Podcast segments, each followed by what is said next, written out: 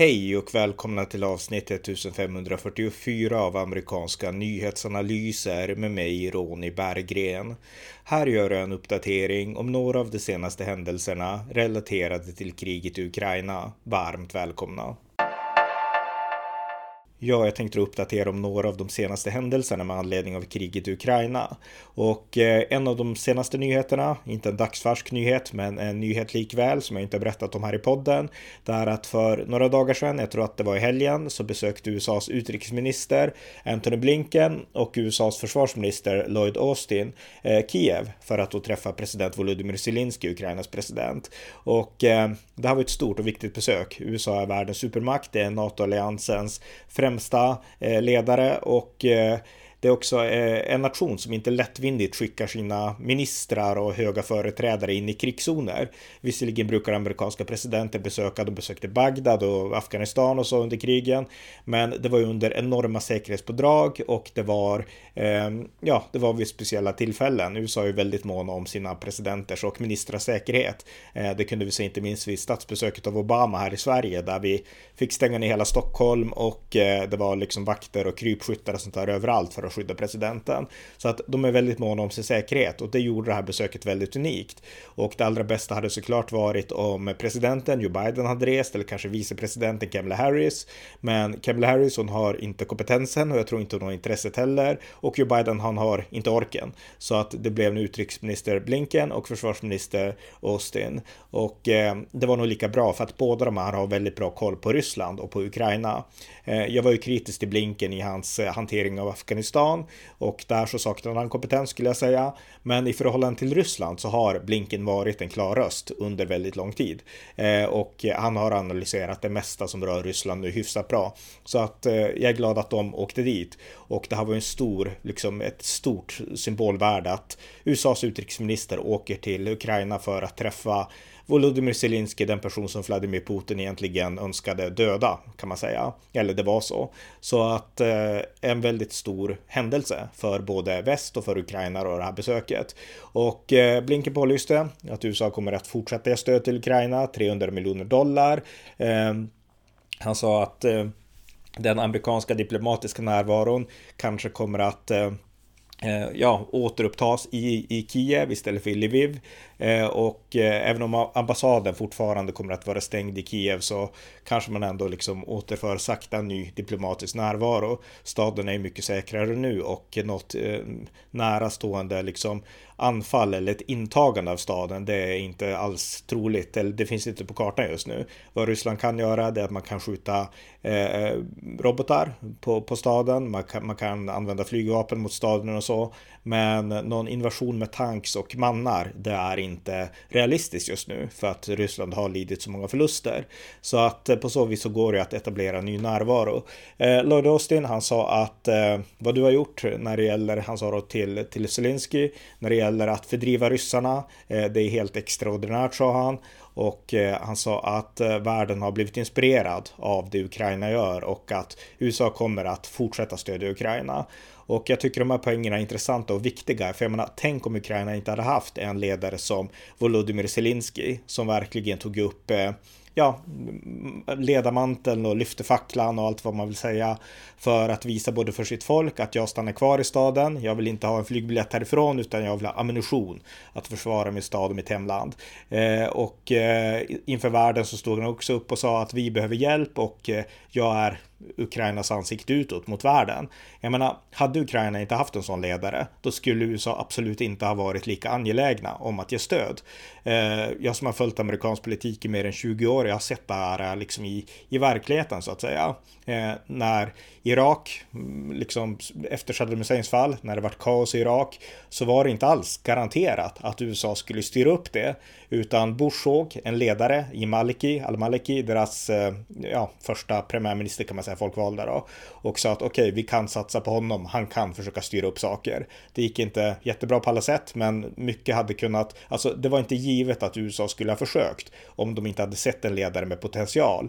Eh, likadant i Afghanistan, i Hamid Karzai, om inte han ändå hade axlat mantel, man, man kan säga att mycket gick fel, men han var betydligt bättre än Ashraf Ghani, han som flydde landet när talibanerna tog över.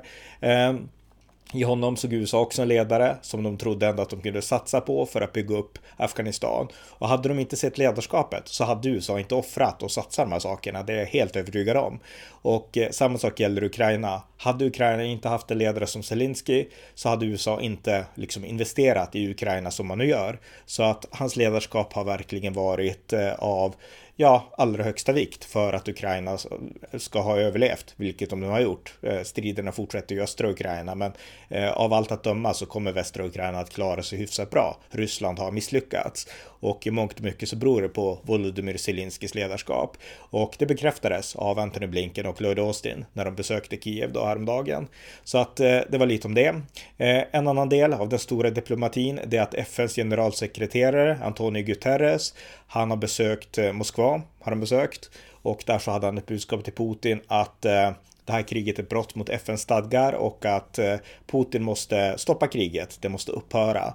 Och eh, han tog också upp i samtal med Putin att civila skulle evakueras från det här stålverket i Mariupol där det är mängder av både soldater och civila som gömmer sig och som håller ut i försvaret av Mariupol.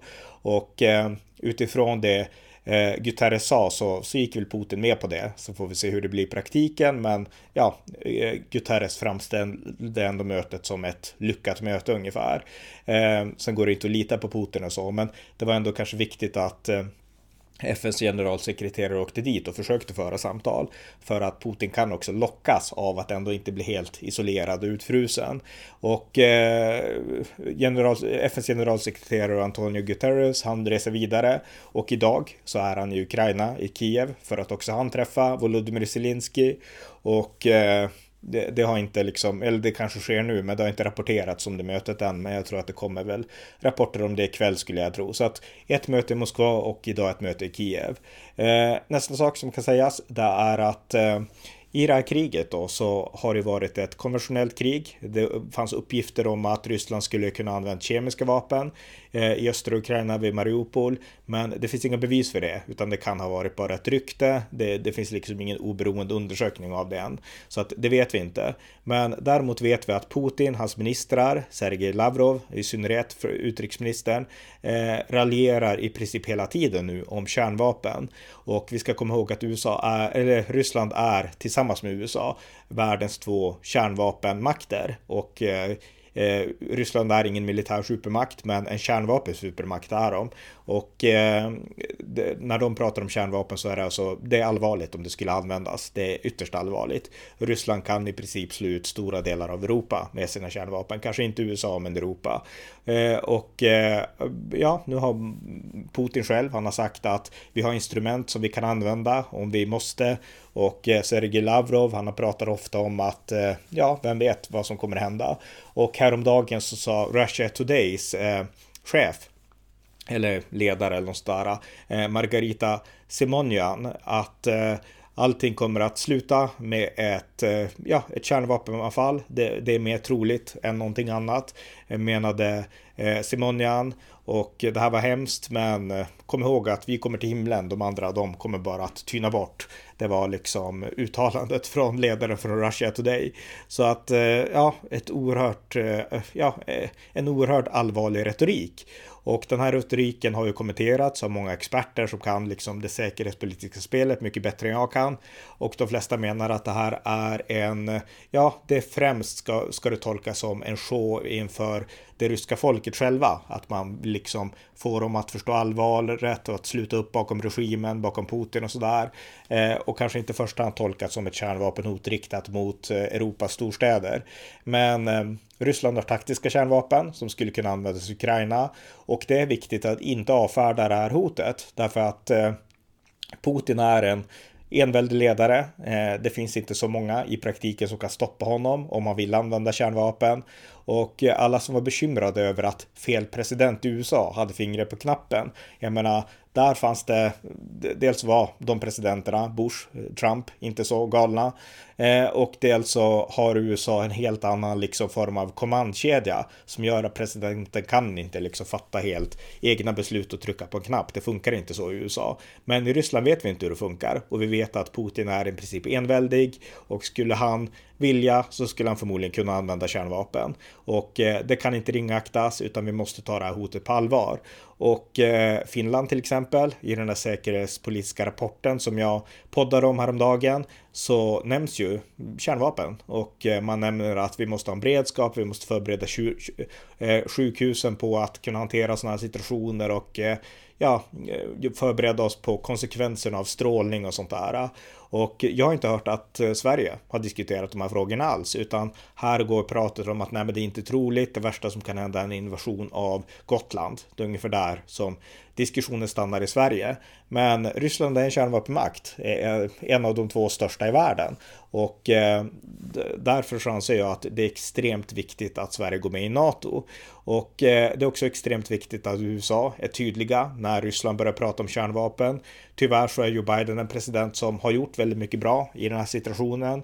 Ehm, det skulle vara mycket värre om Kamala Harris var president eh, och Anthony Blinken är ju Bidens då utrikesminister. Så att USA har gjort mycket bra, styrt upp sanktionerna och allt mer så ger man nu militärt stöd när man ser ledarskapet i Ukraina, att Ukraina faktiskt lyckas.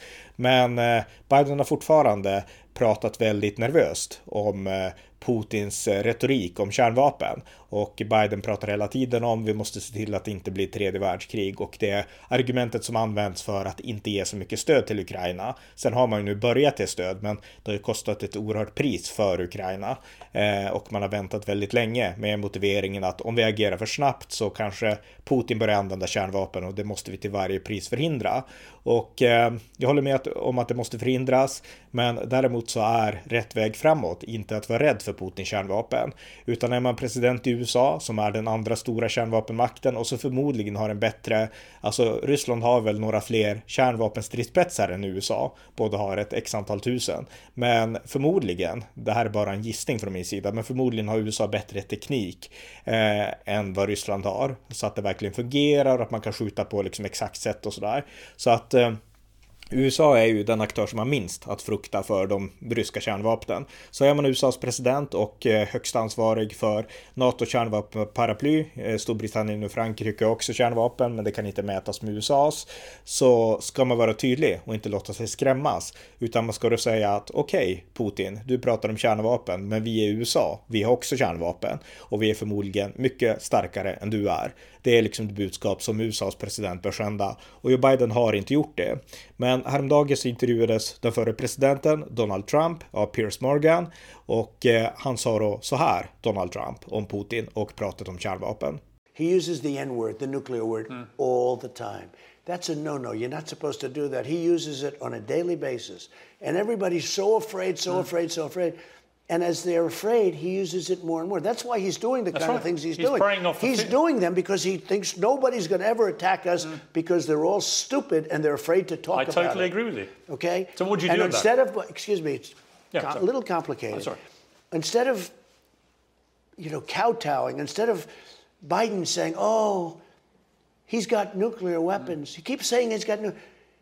We have better weapons that we have the greatest submarine power mm. in history. So what would you say and do? I would say we have far more than you do, far far more powerful than you and you can't use that word ever again. You cannot use the nuclear word mm. ever again. And if you do, we're going to have problems. Och eh, man kan säga vad man vill om Donald Trump, men det här är helt klockrent. Det här är fred genom styrka, alltså att man avskräcker Putin genom att vara glasklar. Du kan inte hålla på att hota oss med kärnvapen. Vi har också kärnvapen. Det är det budskap som Putin behöver höra och det är den formen av budskap som Putin lyssnar till. Vi i Europa, vi har ofta eh, i västra Europa, i Sverige i synnerhet, vi har oftast tron att om vi bara är mjuka, om vi är försiktiga, då kommer den andra aktören inte att agera. Det är ett av liksom argumenten till varför Sverige inte ska gå med i NATO. Då provocerar vi Putin. Men Putin är en person som blir provocerad av svaghet eh, och styrka är något som han respekterar. Och det gäller inte bara Putin, det gäller talibanerna i Afghanistan, det gäller Kina, det gäller många aktörer ute i världen. Så att de enda som tänker på det här omvända sättet, att om vi börjar snälla så kanske de liksom är snälla tillbaka. Det är vi i västra Europa och Sverige i synnerhet. Eh, USA, okej, okay, Biden kanske tänker så också, men USA generellt tänker inte så. Republikanerna tänker inte så. Ute i världen tänker man inte så, utan det här är en slags eh, jag vet inte, det är någon slags vänstermentalitet i förhållande till försvarspolitik som, eh, som Sverige är helt, ja, in, insmorda med så att säga. Och det här är ett tänkande som vi måste bryta med. Och jag tycker att det här var klockrent av Donald Trump. För han har helt rätt här. Vi kan inte låta liksom Putin diktera agendan genom att hota med sina kärnvapen. Som om att han vore ensam om att ha kärnvapen, utan vi måste tala klarspråk. Att om du använder kärnvapen så kommer vi använda kärnvapen. Och konsekvenserna kommer att bli minst lika hårda för er som för oss. Det är den klassiska avskräckningsdoktrinen som NATO har. Och som de också bör bruka sig av. Jag menar, Putin kan inte hota från ett håll, utan eh, då måste man visa att vi kommer att stå upp mot det här. Och eh, Trump hade helt rätt i det avseendet. Men hela det här pratet då om kärnvapen, det gör också NATO-frågan mycket viktig. Och eh, det beror ju på att NATO har ett kärnvapenparaply eh, med USA som främsta garanten då. Och då handlar det då om ömsesidig tillintetgörelse. Alltså vissheten om att om jag skjuter så kommer motsidan att skjuta tillbaka och då kommer de kanske att gå under, men vi kommer också gå under och eh, därför så avhåller oss vi oss för att använda kärnvapen. Det är ju liksom logiken bakom det hela och det bygger på att eh, det verkligen är så att den andra parten har så mycket makt att sätta bakom orden och på logiken att eh, båda parter inser av ren självbevarelsedrift att vi vill undvika ett kärnvapenkrig. Eh, den här principen funkar ju inte på länder som Iran eller kanske inte på Nordkorea heller med liksom en galen enväldesdiktator i, Iran, i Nordkorea och en teokrati i Iran som tror på ett liv efter detta och på jihad och sådana saker. Då är det mycket svårare att applicera de här principerna. Men under Eh, ja, men mellan väst och mellan Ryssland så har det fungerat. Det fungerade under, under hela kalla kriget. De ryska ledarna var eh, auktoritära, men de var inte irrationella och de trodde på logik och på grundläggande liksom att de ville ändå värna mänskligheten och sig själva. Och eh, det ville väst också, så att vi använde aldrig våra kärnvapen. Och eh, förhoppningsvis så funkar den strategin på Putin också. Eh, det bästa vore om kärnvapen inte fanns, men nu finns de och eh, vi måste förhålla oss till det. Och sättet att förhålla sig när man är hotad av kärnvapen, det är inte att liksom bara underkasta sig det första man gör, utan man måste vara tydlig och det var Donald Trump. Och NATO ger som sagt det här skyddet även till Sverige om vi skulle gå med. Och jag tycker att när Putin börjar prata om kärnvapen så här så visar det verkligen hur viktigt det är att Sverige går med i NATO. Och eh, nu de senaste dagarna, kanske veckorna, så har vi nästan börjat ta för givet att Sverige kommer att gå med. Eh, Vår statsminister Magdalena Andersson, hon har gjort tydliga indikationer åt det hållet. Eh, det socialdemokratiska partiet, olika röster har gått ut och pratat för NATO och eh, det känns som att vi är på väg in i NATO. Men vi är inte där än. Och eh, nu idag så läste jag att Vänsterpartiet, eh, deras ledare Nooshi Dagostar, hon vill ha en folkomröstning om NATO innan vi går med. Och nu styr ju inte hon Socialdemokraterna som tur är. Men att prata om en folkomröstning nu i det här skedet, det anser jag är farligt och det spelar Putin helt i händerna. Det blir då ett argument, inte för demokratin som hon vill hävda, därför att demokratin är ändå rätt tydlig. Jag menar, vi har eh, folkomröstningar i Sverige är bara rådgivande och vi har en opinion nu som är för NATO. Så att det blir inte att köra över demokratin att gå med i NATO utan en folkomröstning. Men vad folkomröstning däremot blir, det blir att förhala och det gör att vi kanske kommer på efterkälken, att vi inte går med samtidigt som Finland, vilket skulle göra Sverige till det enda och Moldavien då till de enda utsatta länderna i Rysslands närhet som inte är med i NATO och som inte har det här kärnvapenbeskyddet från USA. Så att eh, jag tycker att det är verkligen att leka med elden att göra de utspelen som Nooshi Dadgostar gör. Och även om hennes parti är ensamt om att inte vilja se Sverige gå med i NATO, så, mm, eller Miljöpartiet vet jag inte faktiskt, men, men oavsett, majoriteten verkar ju ändå vara för eller öppna för det, eh, om vi ska tolka Socialdemokraterna i synnerhet rätt nu. Men eh, även om det är så, så, så visar det ändå att eh, den här äh, frågan är inte, bollen är inte i mål, utan vi måste fortsätta driva på för ett svenskt NATO-medlemskap och eh, vi kan inte vara nöjda eller trygga eller lugna förrän vi verkligen är medlemmar. Eh, det visar sådana här utspel av Nooshi Dagostar. Och eh, Sveriges väg mot NATO, den verkar öppen från NATOs håll. Eh, NATOs generalsekreterare Jens Stoltenberg, han sa idag att eh, det kommer att vara en snabb process. Han sa att vi har en dialog med Sverige och Finland och det är deras beslut. Men om de väljer att ansöka kommer Sverige och Finland att vara varmt välkomna och jag förväntar mig att processen kommer att gå snabbt, sa han då i ett, eh, ja, på ett möte i EU-parlamentet idag i Bryssel. Så att eh, vi verkar bli välkomna om vi vill gå med. Eh, men frågan är, vill vi gå med? Och eh, även om mycket tyder på det så är tyvärr debatten inte över. Det finns motståndare fortfarande och det innebär att vi måste kämpa för att det här ska bli en realitet. NATO innebär säkerhet för Sverige. Att stå utanför NATO innebär att vi blir ett villebråd. Eh, bytet längst bak i flocken som vilddjuret ser och attackerar. Och i det vilda så är det så att rovdjuren attackerar de svaga, inte de starka. Och eh, aktörer i världspolitiken, även om vi i Sverige hoppas och önskar att det inte vore så, men de tänker likadant. Putin tänker som ett rovdjur och det är det som Sverige, svensk opinion och svenska politiker måste vakna upp inför och därför så behöver vi NATO. Så att det var lite om det. Eh, om vi går vidare till nästa nyhet som jag tänkte kommentera. Det är att eh, ett fångutbyte har ägt rum mellan Ryssland och USA. Eh, det är så här att en 30-årig amerikansk marinsoldat, Trevor Reed, han, han dömdes i Ryssland år 2020 till nio års fängelse och han vart då anklagad och åtalad för att ha attackerat en rysk polis i samband med att han hade varit ute och festat sommaren före. Och eh, han och hans familj har förnekat det här, men han har ändå suttit fängslat. Eh, men nu har Biden-administrationen eh, bytt ut honom mot en eh, rysk fånge i USA. En ryss som hade anklagats för att ha smugglat kokain in i USA. Och det här fångutbytet det ägde rum i Turkiet. De här två flygplanen landade bredvid varandra och ryssen gick från det amerikanska planet till det ryska och den här amerikanen då, Reed, han gick från det ryska planet till det amerikanska och sen fick han komma hem till sin familj tror jag i alla fall. Så att eh, ett intressant fångutbyte mitt i det här här nya kalla kriget då. Eh, nästa nyhet och det som det har kanske skrivits mest om, i alla fall innan det här eh, om Vänsterpartiets utspel blev en nyhet, det är att Ryssland har nu stängt gasen till Polen och till Bulgarien. Och orsaken till det, det är att Polen och Bulgarien vägrar att betala för gasen i rubel, eh, alltså den ryska valutan, vilket Ryssland nu kräver för att på så vis undkomma sanktionerna från väst och eh, kunna ställa sina egna villkor. Och eh, de flesta länder de har sagt att vi kommer inte att betala i, rubel och det gäller då även Bulgarien och Polen. Däremot Ungern, de har sagt att vi kommer att betala i rubel därför att vi är Ungerns utrikesminister Eh, Peter eh, Siljarcu, han sa till CNN att 85% av vår gas och 65% av vår olja kommer från Ryssland. Eh, och eh, ja, vi, vi, har inget val menar Ungern då. Så att de kommer att betala i rubel för att på så vis få fortsatt rysk energi. Och det här är förståeligt, det är begripligt. Ungern är ett litet land, de är helt beroende av Ryssland. Eh, men det är också beklagligt och det, det är beklagligt på två vis. Dels att Ungern är vika såklart och även om det är realitet så är det, det, det bör kritiseras tycker jag ändå. Men det är också beklagligt att EU och USA inte snabbare har försökt komma med alternativ till Ungern att finansiera liksom energin på andra sätt sätt. Och det är såklart inte en praktisk enkel lösning. Det, samma problem har ju liksom Estland, Lettland, Litauen. Eh, Tyskland har samma problem, Polen har samma problem.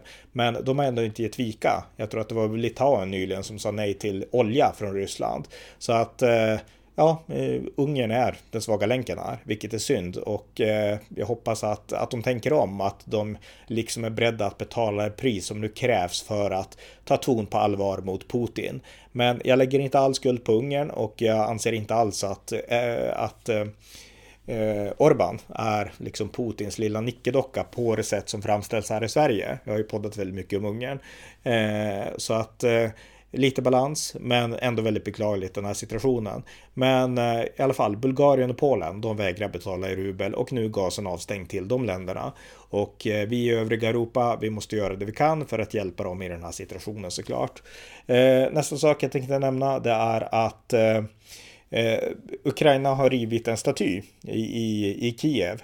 En staty som skulle symbolisera enheten, vänskapen mellan eh, Ukraina och Ryssland. Och det är en eh, 40 år gammal vänskapssymbol. Och eh, den eh, är en 8 meter hög staty. Och den, jag sitter och läser nu lite grann, den upprättades 1982 för att fira Sovjetunionens 60-årsjubileum då. Och nu rivs den helt enkelt därför att nu finns det ingen vänskap kvar mellan Ukraina och Ryssland, vilket är helt förståeligt. Så att det var några av de senaste händelserna i Ukraina. Det finns mycket mer att säga om liksom kriget i östra Ukraina i synnerhet, men det får vi ta i nästa avsnitt. Så att här har ni fått en kort uppdatering om det senaste och mitt take på det.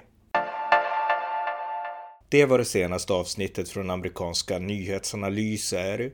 Jag vill avslutningsvis uppmana er som lyssnat att skänka en slant till valfri organisation som ni har förtroende för, som bistår Ukraina i denna stund. Putins önskan är att genom sitt prat om kärnvapen skrämma väst och få oss att upphöra att hjälpa Ukraina. Men det är Ukraina som har blivit attackerat. Att bistå dem är rätt. Deras kamp är också vår. Deras motstånd skyddar även oss. Så ta tillfället i akt, stöd Ukraina. Det var allt för den här gången. Stort tack för att ni har lyssnat.